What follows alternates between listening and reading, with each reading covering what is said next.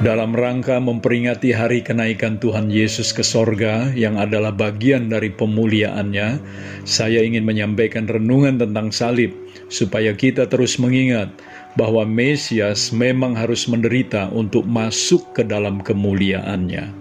Salib, jalan menurun menuju kemuliaan, bagian kedua.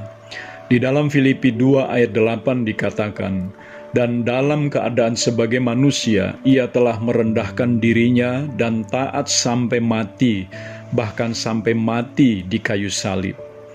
Jalan menurun yang ketiga adalah sebagai manusia, ia telah merendahkan dirinya.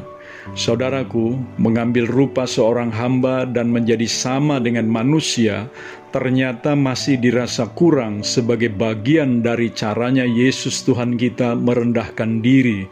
Sehingga catatan firman Tuhan masih dilanjutkan lagi dengan kalimat, dan sebagai manusia ia telah merendahkan dirinya. Aduh, kurang merendahkan diri seperti apa lagi ya Yesus Tuhan kita? Menjadi hamba yang melayani dan menjadi sama dengan manusia yang menunjukkan kerelaannya untuk menjadi sangat terbatas, sudah menunjukkan kerendahan hati yang luar biasa dari Kristus yang adalah Allah. Sekarang masih diteruskan dengan catatan bahwa sebagai manusia ia telah merendahkan dirinya.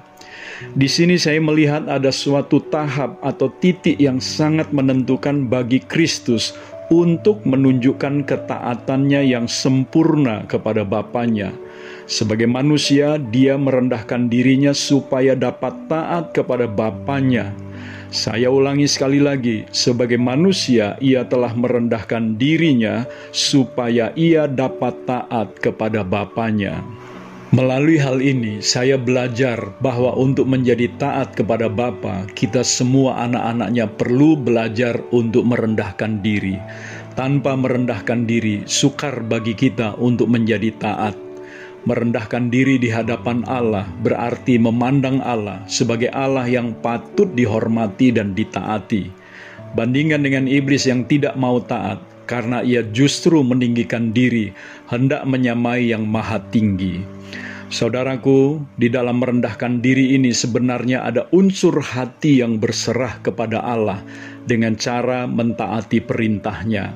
Allah selalu merancang yang baik untuk anak-anaknya, sehingga tidak perlu ada keraguan untuk mentaati Dia. Karena itu, ketika kita merendahkan diri, sesungguhnya di sana juga kita sedang berserah kepada Allah, dan bukti dari penyerahan tersebut adalah taat.